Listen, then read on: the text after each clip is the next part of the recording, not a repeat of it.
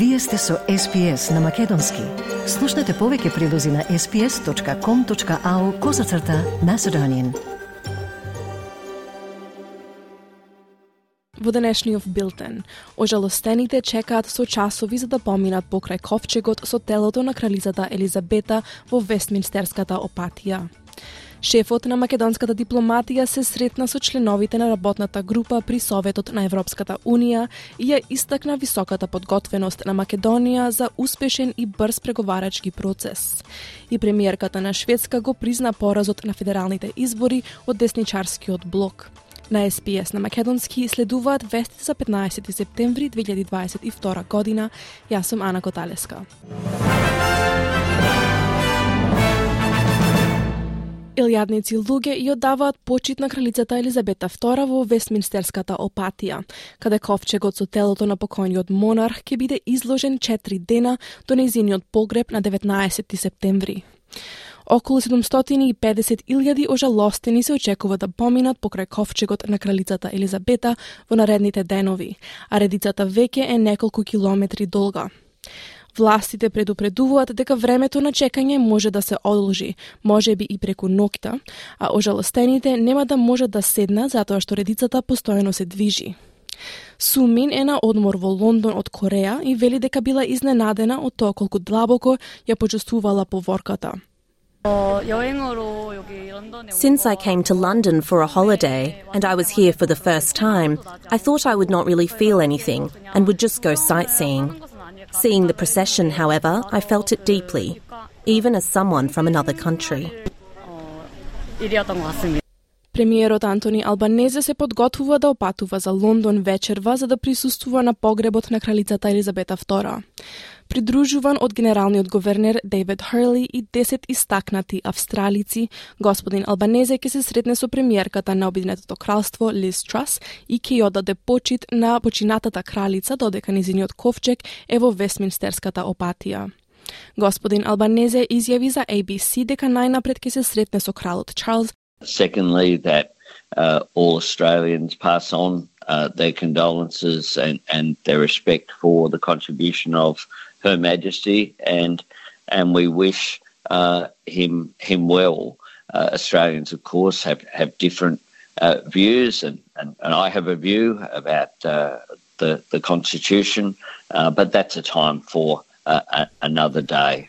Наодите од првиот независен преглед на работата на Резервната банка на Австралија од 1990-тите се очекува да бидат доставени денеска. Прегледот воведен од благаникот Джим Чалмерс во јули ќе предложи реформи, вклучувајќи промени во структурата на одборот на Резервната банка, зголемена одговорност за одлуките за каматните стапки и појасна комуникација. Тоа доаѓа додека гувернерот на Резервната банка Филип Лоу се соочува со повици да поднесе оставка поради одговорот на банката на пандемијата и неодамнешното зголемување на инфлацијата.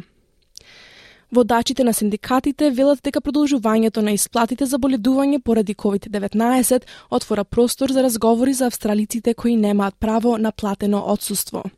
Националниот кабинет се согласи да продолжи програмата и по 30 септември за неодреден период, се додека важат правилата за изолација поради коронавирусот. Секретарката на Австралискиот совет на синдикати Сали Макманес за ABC вели дека без исплатите луѓето би морале да избираат дали да ги платат сметките. for casuals and actually for a whole lot of people because we've run down our leave because there's so much sickness with the pandemic. Staying at home and not being paid is a big economic question. And so I think it's naive, and we actually know from our own experience during the pandemic wrong to think that people will just stay home if they're sick. They don't at the moment, they didn't before. If you're not going to get paid leave, the chances are you're going to need to choose between you know, paying your bills and, uh, and not.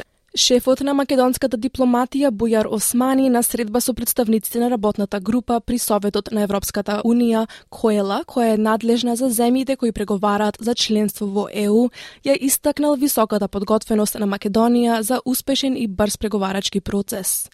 Во сообщението на Министерството за надворешни работи се вели дека државата веќе долго време се усогласува со законодавството на Европската Унија и има завидни 45% усогласеност уште пред пред почетокот на преговорите, како и 100% усогласеност со заедничката надворешна и безбедносна политика на ЕУ.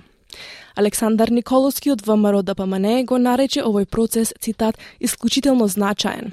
Процес што ја представува иднината на Македонија и процес за кој постои консензус меѓу владата и опозицијата.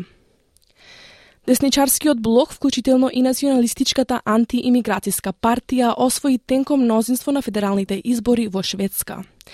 Лидерот на шведските популистички демократи, Джими Акерсон, прогласи победа за блокот од четири партии и вети дека неговата партија ќе биде цитат конструктивна и движечка сила во однос на подобрувањето на безбедноста во Шведска.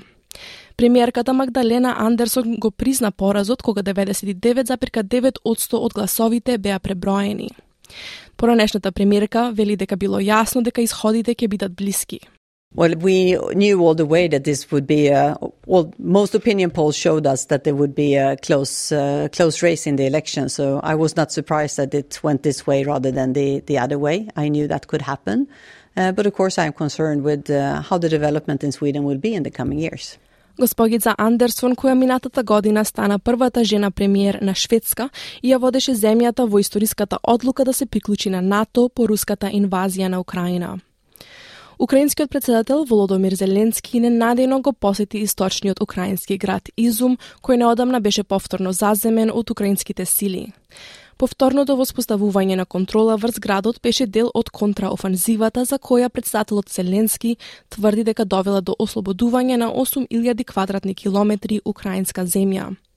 Посетата доаѓа во клучен момент во шестмесечната инвазија на Русија, во кој Украина ги потиснува силите на Москва на исток и сериозно ги подкупува амбициите на Кремљ да го заземе целиот регион Донбас. Зеленски вети победа за својата земја и им се заблагодари на своите вооружени сили што го спасија Изум од руската окупација. Our soldiers here, that is very important thing. It's, it support, supports people I see how people uh, meet them. That is, you know, uh, very sensitive moment. It means that with our army, the life come back. Кинескиот председател Кси Джинпинг е на својата прва меѓународна турнеја по пандемијата COVID-19, патувајќи низ Централна Азија со цел да ги зацврсти врските со силите надвор од Западот. Кинескиот лидер слета во Узбекистан, каде што се очекува да се сретне со рускиот председател Владимир Путин на маргините на самитот на Шангајската организација за соработка во Сампанг. Пекинг ги цени поблиските врски со државите во Централна Азија, додека односите со Западот се под притисок поради цитат безграничното партнерство на Кина со Русија. Патувањето на председателот Кси доаѓа пред октомврискиот конгрес на кинеската владеачка партија, каде што се очекува председателот да биде реизбран за трет мандат, што е досега невидено во Кина. Новиот мандат би му дозволил поагресивно да ја практикува својата визија за Кина како доминантен глобален лидер.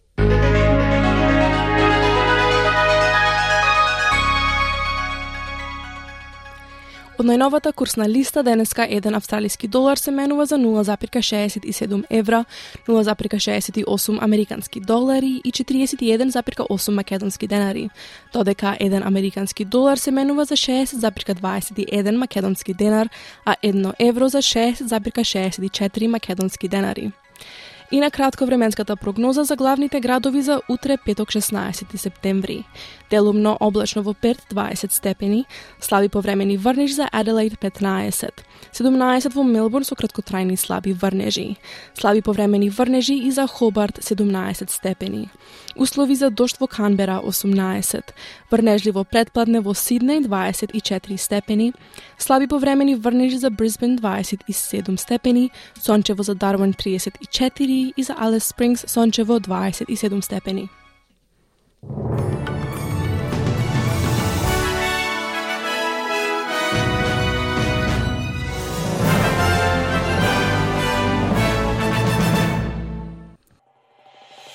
Сакате ли да чуете повеќе прилози како овој? Слушате подкаст преку Apple Podcasts, Google Podcasts, Spotify или од каде и да ги добивате вашите подкасти.